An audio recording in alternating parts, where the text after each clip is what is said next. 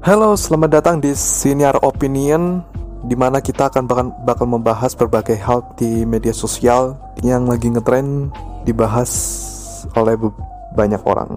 Untuk di pembukaan di episode pertama kali ini, gue bakal membahas tema mungkin untuk sebagian orang udah tahu tentang tema ini karena mereka merasa bagian dari tema kali ini.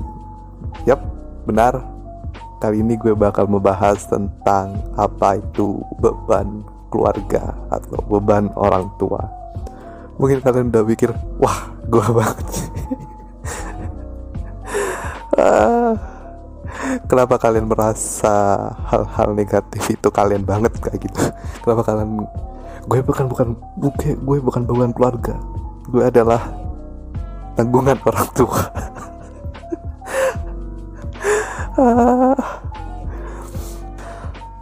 Sebelumnya kita akan membahas apa itu arti dari beban keluarga itu sendiri tentunya. Menurut gue, menurut gue sendiri, menurut gue sendiri, gue nggak ngambil dari mana pun. Menurut pengetahuan gue sendiri, hal yang bisa dianggap sebagai beban keluarga itu sendiri adalah kebanyakan itu adalah anak kebanyakan nih ya kebanyakan belum tentu semuanya bisa jadi peliharaan bisa jadi peliharaan yang dianggap sebagai beban keluarga. Uh, saudara ataupun kerabat ataupun tetangga mungkin entahlah tapi kebanyakan yang dianggap sebagai beban keluarga itu adalah anak. Gue nggak tahu warga internet bisa mengatakan kalau anak itu adalah beban keluarga. Kalian itu kadang benar. Padahal dahulu di masa-masa masih era reformasi atau masih zaman-zaman jadul lah. Anak itu dianggap sebagai hal pemberian yang luar biasa dari Tuhan untuk mereka rawat, untuk mereka jaga, untuk mereka kasihani. Tapi di tahun 2019 jatuhnya corona memang dianggap sebagai di mana ekonomi itu memburuk anak malah jadi beban. Anak malah jadi hal yang ah pandangan dari anak itu sendiri belum tentu dari pandangan orang tua. Mengatakan kalau anak itu pasti beban belum tentu. Tapi uh, kembali lagi dari definisi tadi uh, kebanyakan itu anak yang dianggap sebagai beban tapi belum tentu. Definisi anak ini luas definisi definisi anak ini luas bisa. Anak kandung anak pungut. Kalau anak pungut sih nggak mungkin sih ya. Lo masa lo udah pungut jadi beban sih? Banget sih kalau uh, pasti jadi kebanggaan lah definisi anak yang dianggap jadi beban keluarga ini anak yang udah berusia di atas 20 tahun. Yap 20 tahun ke atas. Tapi walaupun seharusnya anak yang berumur 20 tahun ini dianggap sebagai beban keluarga tapi banyak juga anak yang masih belasan tahun mungkin 19, 17, 16 yang masih SMA mungkin. Menganggap kalau dirinya itu udah jadi bagian dari klub-klub beban keluarga. Beban keluarga klub. Keren. Padahal seharusnya kalau kalian masih berumur 19 tahun atau belasan tahun kalian kalian itu masih dari menjadi tanggungan keluarga. Memang seharusnya seperti itu. Memang seharusnya seperti itu. Kalian makan dari keluarga kalian masih minta uang dari keluarga. Karena memang secara tidak langsung kalian adalah tanggungan keluarga. Tapi kalau kalian yang udah umur 20 tahunan apalagi kalian menganggur Waduh, waduh, waduh. Seharusnya kalian udah bekerja. Seharusnya kalian udah bekerja membahagiakan orang tua mengumrohkan orang tua. Pasti ya kalian udah begitulah ya. Beban keluarga ini sepatutnya tidak dipanggil beban keluarga terlalu spesifik. Bisa disebut beban negara. Karena beban negara itu pengangguran gitu maksudnya. Tadi gue bilang kalau anak yang berumur 20 tahunan adalah beban keluarga misal pun kalian itu menganggur. Kalau kalian masih sekolah seperti kuliah is oke okay. kalian menjadi tanggungan keluarga. Kalian harus tahu nih ya bedanya dari tanggungan keluarga dan beban orang tua atau beban keluarga. Kalau kalian masih kuliah kalaupun kalian negeri pasti kalian secara tidak langsung sulit untuk menyambi ataupun mengambil pekerjaan di luar jam kuliah karena itu terlalu sulit. Terkecuali kalau kalian itu adalah mahasiswa di perkuliahan swasta. Tapi kebanyakan orang yang mengambil kuliah swasta itu karena mereka berpikir kalau mereka bisa kuliah sambil bekerja. Itu alasan mereka mengambil kuliah swasta. Yang di mana mereka jauh. Dalam artian beban keluarga kalau bah mereka udah kuliah bekerja lagi. Kurang giat apa coba mereka? Hmm. lain di lain sisi. Orang yang kuliah di negeri ini nggak semuanya ya. Anggap aja gue lah anggap aja gue.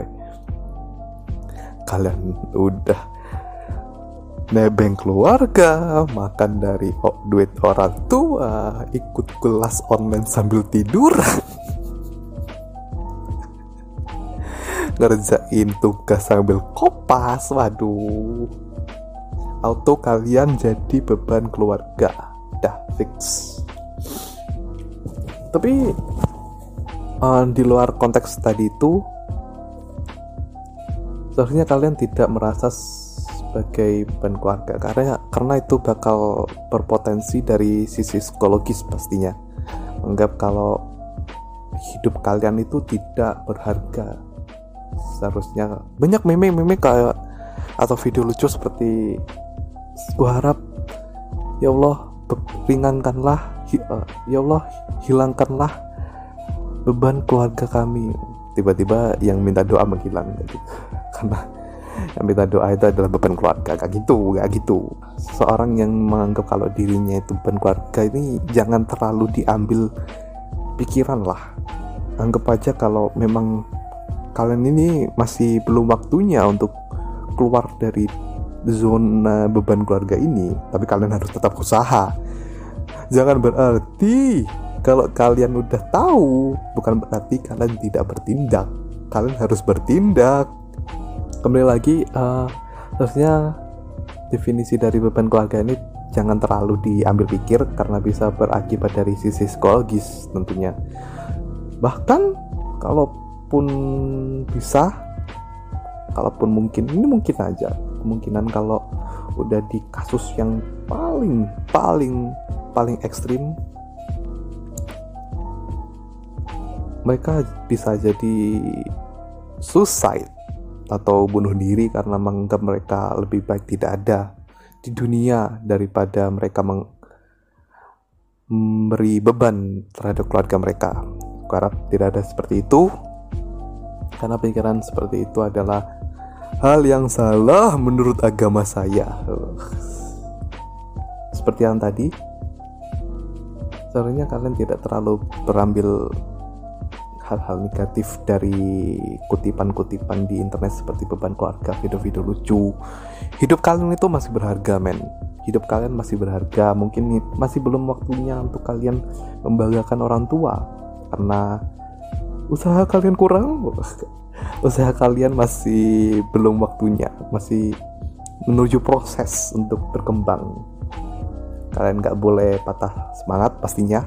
Terus sisi anak seperti itu uh, kalian seharusnya tidak menganggap kalian beban keluarga. Mungkin kalau kalian udah menganggap sebagian dari kalian adalah beban keluarga kalian jangan terlalu dipikir hati jangan terlalu dipikir pikiran pikir otak apa pun kalau kalian punya apa pun itu.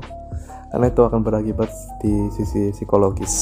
Kalian akan memburuk dan pastinya yang mendengar dan pastinya banyak orang di luar sana yang tidak mampu membayar psikiater. Yang biasanya kalau kalian curhat itu psikiater adalah teman kalian sendiri. Dan pastinya agak dibocorkan oleh teman kalian sendiri. Uh, mungkin masih belum waktunya kalian untuk membanggakan orang tua. Kalian harus tetap berusaha. Dan untuk sisi orang tua gimana ya? Karena gue masih belum tergolong sebagai orang tua mungkin uh, seharusnya orang tua juga tidak menganggap kalau anaknya adalah beban keluarga. Kalaupun memang anaknya itu pemalas. Uh, kalian harus mengambil sikap seperti orang tua. Kebanyakan sih ya uh, mungkin gue bakal membahasnya di topik yang lain tentang hubungan anak dan orang tua itu harusnya seperti apa? Idealnya itu seperti apa? Tapi kalau menurut gue uh, opini menurut gue nih ya kalau mereka itu sangat bisa disebut sebagai keluarga yang idealis sebagai contoh mereka nggak bakal menganggap kalau anak itu adalah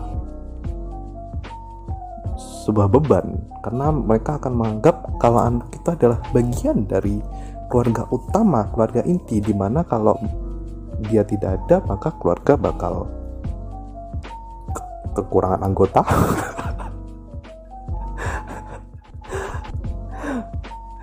ya pastinya kalau mereka tergolong keluarga ideal nggak mungkin lah kalau anak bakal dianggap sebagai beban keluarga karena anak adalah hal anugerah terindah dalam kehidupan pastinya. Gue membaca-baca di internet tentang masa pandemi orang tua jangan anggap anak jadi beban. Wah ini cocok banget nih. Sikap orang tua di masa pandemi covid-19 seharusnya jangan pernah jadikan anak sebagai beban. Ini jangan-jangan untuk pengalihan emosi nih ya. Beras kurang nih. Apa nih salah? Anak ini jangan jangan seperti itu. Contoh yang buruk contoh yang salah. Meskipun kondisi kehidupan terpuruk jika orang tua tidak mampu dan tidak mau mensyukuri keadaan yang sedang dihadapi di masa pandemi ini lalu menganggap anak hanya beban semata. Kondisi ini tidak bisa dibiarkan. Benar. Oh ya, untuk untuk sumber gue ngambil dari su suara Surabaya.net. Orang tua memang menganggap keterpurukan sebagai dampak pandemi ini. Tetapi jika orang tua mampu memaknai pandemi ini dari sudut pandang positif, itu ya. Sudut pandang positif, guys. Sudut pandang positif cara berpikir positif dan anak tidak dianggap sebagai beban. Nah, bisa jelaskan kalau di sini kalau definisi beban keluarga ini diambil dari orang tua, pasti orang tuanya berpikir nggak bilang. Tapi tergantung anaknya ya. Kalau anaknya malas ya pastinya kenapa harus berpikir negatif, kenapa harus berpikir positif kalau anaknya malas juga kan maka nilai positif orang tua bisa ditransfer kepada anak. Nah, ini sangat penting bagi anak. Terkutip dari Dr. Sri Sini Sukiato, psikolog dosen Fakultas Sosiologi Universitas Surabaya. Bukan hanya pada kalangan tidak mampu, Dr. Sri menegaskan pada keluarga yang kaya sekalipun jika keberadaan anak dianggap beban keluarga. Wait, wait, wait, wait, wait, wait, wait, wait, wait, wait, wait, wait di keluarga kaya ada beban keluarga juga men. Waduh. Ini di keluarga kaya ini di keluarga kaya anak bisa dianggap beban keluarga juga apalagi ah. parah sih sumpah. Parah. Di keluarga kaya men keluarga kaya anak bisa dianggap sebagai beban keluarga. Parah sih lanjut uh, Sri meneg. Sri menegaskan pada keluarga yang kaya sekalipun jika keberadaan anak dianggap sebagai beban, maka di masa pandemi seperti saat ini, posisi anak justru dianggap sebagai beban yang semakin memberatkan orang tua.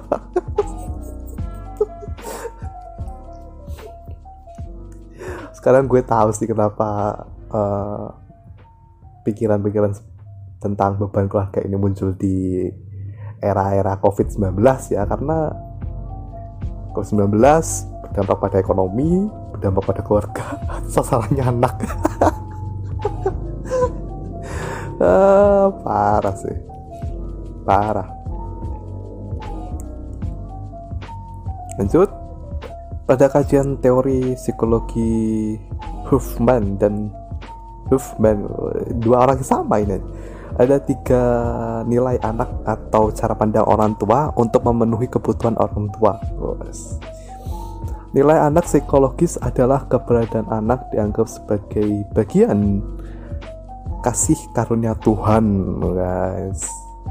Anak itu adalah karunia. Anak itu adalah hal yang paling berharga yang diberikan oleh Tuhan kepada pasangan suami istri untuk dijaga, dirawat dan dikasih sayangi, guys. Itu saat masih kecil. kembali lagi kalau kalian udah dewasa ya masa sih kalian masih berada di ketek mama lu sih kalau banyak orang bilang kayak gitu orang tua menganggap anak harus diberikan perhatian dengan kondisi apa pun karena anak sebagai karunia dari Tuhan benar. Yang kedua anak adalah pemenuh ekonomi. Pemenuhan ekonomis gimana maksudnya? Di mana posisi anak lebih serius menganggap anak untuk memenuh untuk membantu hal-hal ekonomis. Contoh anak-anak balita yang digendong ibunya ikutan mengamen. Dan ini dianggap sebagai hal-hal yang membantu ekonomi. Kalau contohnya seperti ini gue kurang setuju sih ya. Karena bisa jadi eksploitasi anak sih jatuhnya seperti ini. Masa anak-anak balita gue nggak tahu sih ya gimana kehidupan mereka tapi seharusnya negara wes negara nih jatuhnya. Seharusnya seharusnya sih anak nggak diikut pekerjakan saat ibunya mengamen. Tapi mungkin karena nggak ada yang jaga di rumah jadi dia di dibawa sambil mengamen. Tapi kalau ada nih kasus-kasus seperti orang minta-minta lalu dia bilang kalau butuh susu untuk anaknya itu ada juga kayak oknum-oknum yang yang nyatanya anak yang dibawa itu bukan anaknya. Bahkan anak itu adalah anak sewaan yang disewa dari ibu ibu yang asli. Ya gitulah lanjut. Hmm. dan yang ketiga anak dinilai sebagai bagian sosial di mana orang tua beranggapan anak menaikkan nilai sosial. Di lingkungan masyarakat kerap ditemui anak dituntut memiliki prestasi yang meningkatkan harkat dan martabat orang tua. Ini benar banget. Ini adalah tujuan dibalik orang tua yang menyuruh anaknya belajar.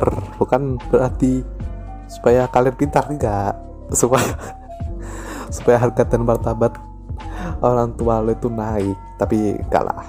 Bercanda bercanda. Bercanda ini ya bercanda. Memang benar. Lanjut banyak kan orang tua saat ini yang menuntut anaknya berprestasi dengan harapan orang tua harkat dan martabatnya meningkat. Kamu harus berprestasi. Kalau tidak, berarti kamu bukan anak papa mama.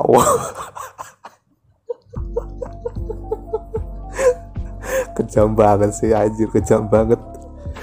Kalau kamu tidak berprestasi, kamu bukan anak mama dan papa oh, atau coret kakak uh, gue nggak tahu hal seperti ini ada di masyarakat atau enggak ya. Tapi kalaupun ada parah banget sih parah banget.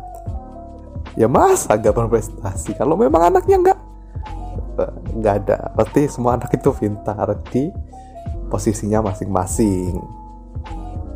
Contoh pintar matematika pintar menggambar pintar mencontek mencontek itu butuh skill loh guys kalau nggak nggak punya skill itu parah sih kalian nggak bisa nyontek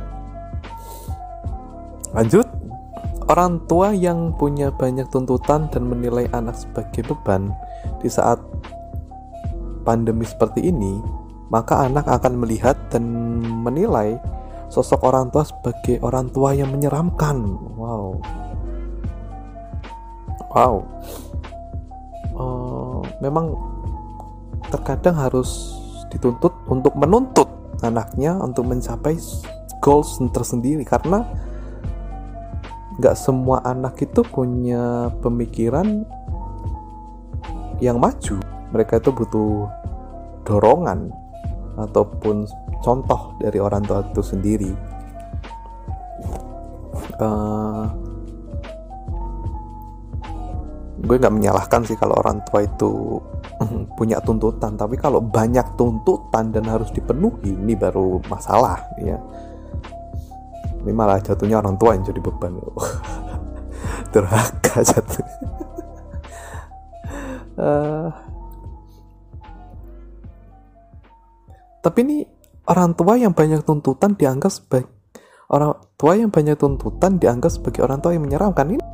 Sebaiknya orang tua mengajak anak memahami situasi dan kondisi saat ini sebagai bagian dari pergulatan hidup agar survive. Menjadikan kondisi saat ini bersama-sama melakukan kegiatan bersama-sama. Karena orang tua dalam istilah psikologis adalah significant person atau orang yang berarti bagi anak. It's true. Orang tua tetap punya peran penting bagi anak-anaknya di masa pandemi seperti sekarang ini. Ini ini pasti pandangan idealis seperti ini ya, tapi kita tahu sendiri kan di masyarakat luar yang pasti ekonominya kurang ataupun lebih ber, diperparah dari kondisi covid seperti ini pikiran-pikiran seperti ini tuh atau atau pandangan kayak anak itu harus dijaga. Enggak enggak enggak enggak. Kalau keluarga itu perlu bantuan dari sisi ekonomis anak harus bekerja. Karena pastinya mereka itu berpikir kalau mereka pasti berpikir kalau kebahagiaan anak itu paling penting. Tapi kalau mereka nggak bisa makan besoknya itu yang lebih penting man mereka harus memikirkan hal yang lebih penting yaitu makan. Makan untuk besok.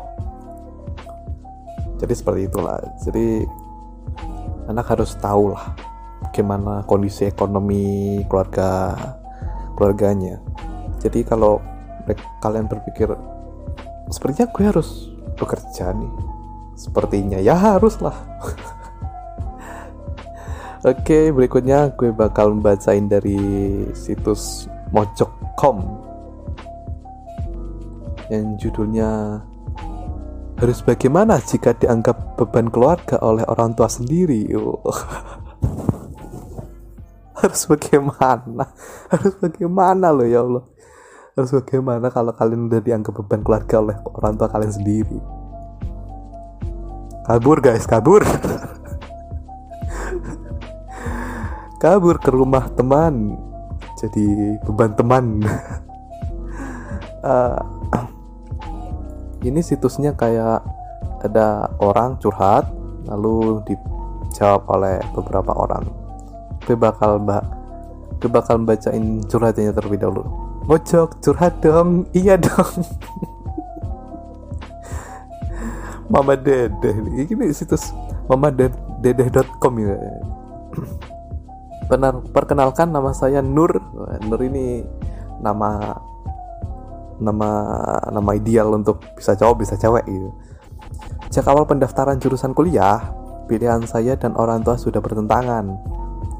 Mereka ingin saya masuk jurusan pendidikan biar saya jadi guru. Aduh. ini tahun berapa ini? Ini diupload web ini diupload tanggal 13 Oktober 2018. Ya, gimana ya? Coba kita lanjut ya ya yang mereka ketahui satu-satunya cara termudah menjadi PNS di Indonesia. Ini pasti orang tuanya Nur kalau uh, mereka tahu di tahun 2021 ataupun 2020 udah ada wacana kalau guru itu bukan bagian dari PNS lagi. Gue nggak tahu berita lengkap atau berita terbarunya gimana tapi setahunya gue guru udah nggak dianggap sebagai PNS lagi kasihan ya misalnya Nur udah mengikuti nasihat. Eh Nur lo gak gue gak mau tahu lo harus masuk jurusan pendidikan biar lo jadi PNS pas Nur sudah semester 4 semester 5 gitu. Mah gimana ini? Guru udah gak gede di PNS ini. Mamanya stres. Uh, Balik, ya yang mereka ketahui satu cara termudah menjadi PNS di Indonesia yang hanyalah dengan menjadi guru. Pada intinya, sedari awal mereka menguliahkan saya biar jadi cita-cita mulainya terwujud yaitu anaknya jadi PNS. Tapi akhirnya saya mengambil jurusan psikologi. Wah, mantap. mantap. Ada tidak mengikuti saran orang tua atau durhakan dan nur di salah satu universitas di Jogja. Delala selama masa perkuliahan saya sering mengalami kesulitan. Wah, efek durhaka kamu tuh. Apalagi mengingat kalau saya berasal dari jurusan IPA waktu di SMA. Psikologi emang harus IPS ya? Tetapi alhamdulillah saya bisa menyelesaikan masa studi selama lima tahun. Waduh. Namun 8 bulan setelah kuliah saya menganggur total benar-benar ngawuh di rumah dan orang tua menganggap saya kualat karena tidak meng mau mengambil jurusan kuliah di bidang pendidikan. Beruntungnya sekarang saya sudah mendapatkan pekerjaan meskipun gaji masih di bawah UMR. Nah, yang bikin saya tambah kesal mak sama mereka adalah mereka ini siapa ya? Beruntungnya sekarang saya mendapatkan pekerjaan meskipun gaji masih di bawah UMR. Nah, saya Nah, yang bikin saya tambah kesal sama mereka adalah meskipun saya sudah bekerja dan dibilang lebih mandiri, mereka masih menganggap saya suka memarahi eh gimana gimana? Mereka masih saja suka memarahi saya karena besaran gaji saya tidak seberapa. Sampai detik curhatan ini ditulis, saya merasa bahwa kedua orang tua saya tidak pernah bisa menerima keadaan saya. Justru mereka selalu menganggap bahwa kelahiran saya di bumi hanyalah membebani kesejahteraan hidup mereka. Mohon bantuannya dan solusi mojok bagaimana cara menghadapi orang tua seperti ini. udah udah kerja masih dianggap beban keluarga loh ya Allah tadi tadi gue baca. Di keluarga orang kaya masih juga anaknya dianggap sebagai beban keluarga. Yang ini anaknya udah bekerja walaupun gajinya masih di bawah UMR masih dianggap beban keluarga juga oleh orang, oleh orang tuanya. Jadi ini yang salah siapa ya? definisi beban keluarga ini ya bisa diambil dari dua perspektif. Bisa diambil dari pendapat anak itu sendiri, perspektif anak itu sendiri yang menganggap kalau dia itu beban keluarga di keluarganya itu sendiri, belum tentu keluarganya menganggap kalau dia itu beban keluarga, semuter ke keluarga, keluarga, keluarga. Atau malah orang tua mereka yang menganggap kalau mereka itu beban keluarga, padahal mereka sendiri tidak menganggap seperti itu. Uh, ya, kalau pandangan gue sih pertama kita nggak harus terlalu berpikir kalau kita ini beban keluarga. Yang kedua kalaupun orang tua kita itu berpikir kalau kita beban keluarga ya yes. ini tergantung sih ya kalau orang tuanya ekstrim banget kalau setiap hari gitu kalian keluar kamar wah kamu berkeluarga dilempari batu wah haram haram. Canda canda. Nggak mungkin gak mungkin gak gitu gak mungkin gak mungkin. Ini gue nggak nyaranin ya tapi kalau gue sendiri sih mungkin waktunya untuk pergi dari rumah sih ya guys. Ataupun mencari makna di luar sana. Karena gue banyak dengar kalau kasus-kasus orang sukses gitu wah ini belum tentu terjadi untuk semua orang nih ya. Banyak orang-orang sukses itu berawal dari pemberontakan ataupun mereka tuh keluar dari rumah untuk mencari jati diri mereka sendiri, mencari pekerjaan, hidup hidup mandiri. Kalau menurut level, kalau menurut level level paling rendah itu adalah kalau menganggap diri kita sendiri beban keluarga. Tapi kalau levelnya keluarga kalian menganggap kalian beban keluarga, wah itu udah level tinggi itu kalian butuh psikiater kalian butuh pengacara. Gak jelas banget sumpah. Ya, semoga aja yang denger podcast kali ini atau siniar kali ini tidak ada orang tuanya yang menganggap kalau kalian itu beban keluarga. Amin amin amin ya robbal alamin. Lanjut ke, ke curhatan ini. Konsepnya gini guys. Habis Nur ini curhat lalu ada yang jawab di web ini siapanya gini? Hai Nur yang merasa menjadi beban loh yang merasa menjadi beban loh. Seharusnya kalian itu yang menjawab yang menjawab. Seharusnya kalian itu berusaha untuk meyakinkan Nur dia itu bukan beban. Merasa di malah ditulis merasa menjadi beban. Pasti merasa sedih sekali jika tidak percaya orang tua sendiri. Ditatap dengan pandangan curiga oleh orang lain saja sudah saja sudah merasa tidak nyaman dan menyebalkan. Bagaimana jika itu dilakukan oleh oleh oleh orang terdekat kita yang menjadi tempat satu-satunya kita untuk pulang? Tentu saja masalah yang cukup pelik untuk kamu, namun menjadi semakin terasa pelik jika saya juga harus ikut memikirkannya. ini ini ini ini ngawur banget sih. Namun menjadi semak tentu tentu saja masalah yang cukup pelik buat kamu. Namun menjadi teras semakin terasa pelik karena saya juga harus memikirkannya. Ya gak usah dipikirkan. Ya Allah ya gak usah dipikirkan. Kalau gitu kalau kalian merasa pelik gak usah dipikirkan. Kenapa? Kalian harus repot-repot balas curhatan. Nur coba dimocok ini. Ya ampun lanjut. Tapi tak apa Weh, tapi tak apa saya akan tetap melakukannya dengan sukacita demi karir saya saya ke depannya. Karir lo apa?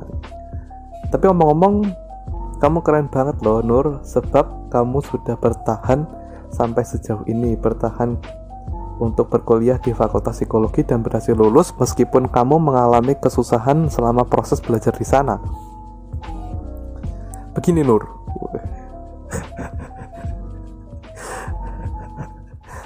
Uh, gini Nur. Alala alala kayak motivator gitu. Pada dasarnya orang tua selalu menginginkan yang terbaik bagi anaknya pasti. Alasannya mereka supaya kamu menjadi PNS tentu kamu tentu juga untuk kebahagiaan kamu seperti yang mereka pahami bahwa menjadi PNS adalah seenak-enaknya menjadi pekerjaan dan memberikan kamu gaji tetap selama kamu tidak berbuat yang aneh-aneh tentu tidak mungkin dipecat dan tidak luput untuk dipromosikan adalah tunjangan untuk masa tua kamu nanti. Halo, mereka sayang apa sih maksudnya ini? Nah lo, mereka sayang kamu banget kan? Wah.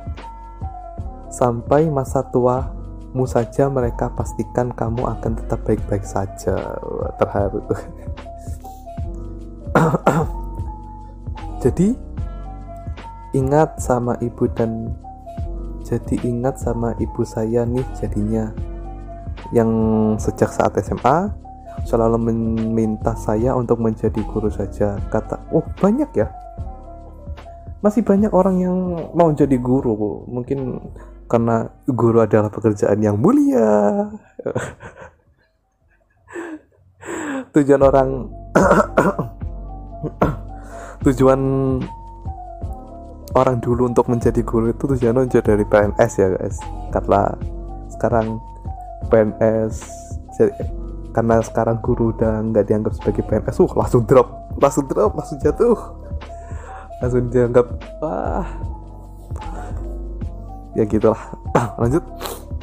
Saya jadi ingat sama ibu saya jadinya. Yang sejak saya SMA selalu meminta saya untuk menjadi guru saja. Kata ibu saya sih enak jadi guru apalagi kalau jadi guru SD katanya saya akan punya jam kantor dan hari libur saya sama dengan anak-anak saya ketika mereka sudah bersekolah tentu saja. Jadinya saya bekerja saya tetap dapat mendampingi mereka dan seperti kamu saya memilih tidak mengalam mengamini perkataan ibu. Pilihan kita sama dan saya juga masuk jurusan psikologi. Sini tos dulu hehehe.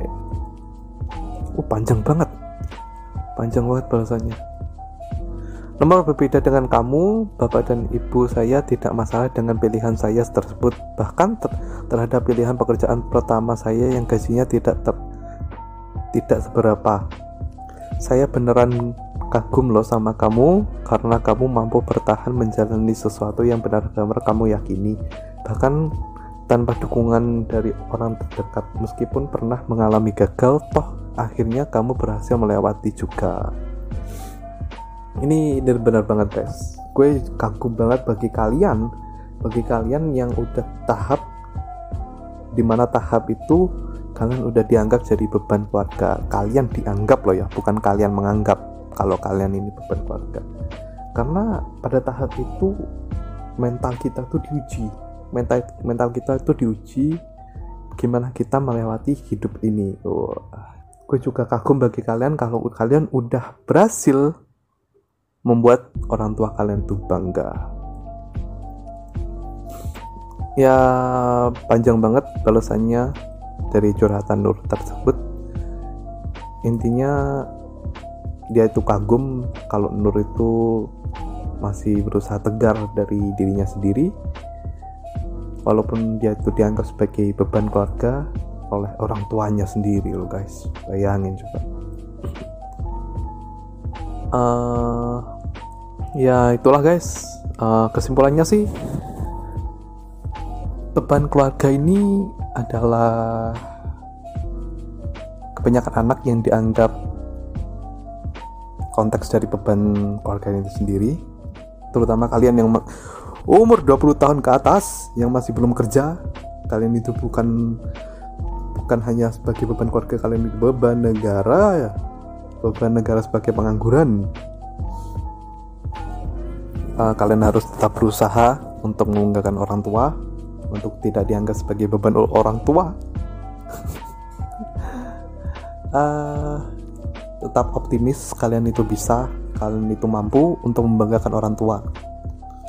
Tidak apa kalau kalian mas sekarang berpikir kalau kalian itu beban keluarga di masa pandemi seperti ini is okay lah. Banyak banget di luar sana yang beranggapan sama seperti kamu. Jangan berputus asa lah intinya lah guys.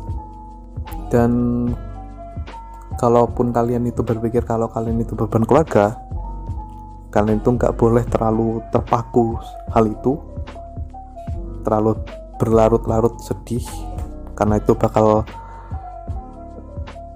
menjadi beban pikiran bahkan bisa berang berakibat negatif pada sisi psikologis kalian itu sendiri.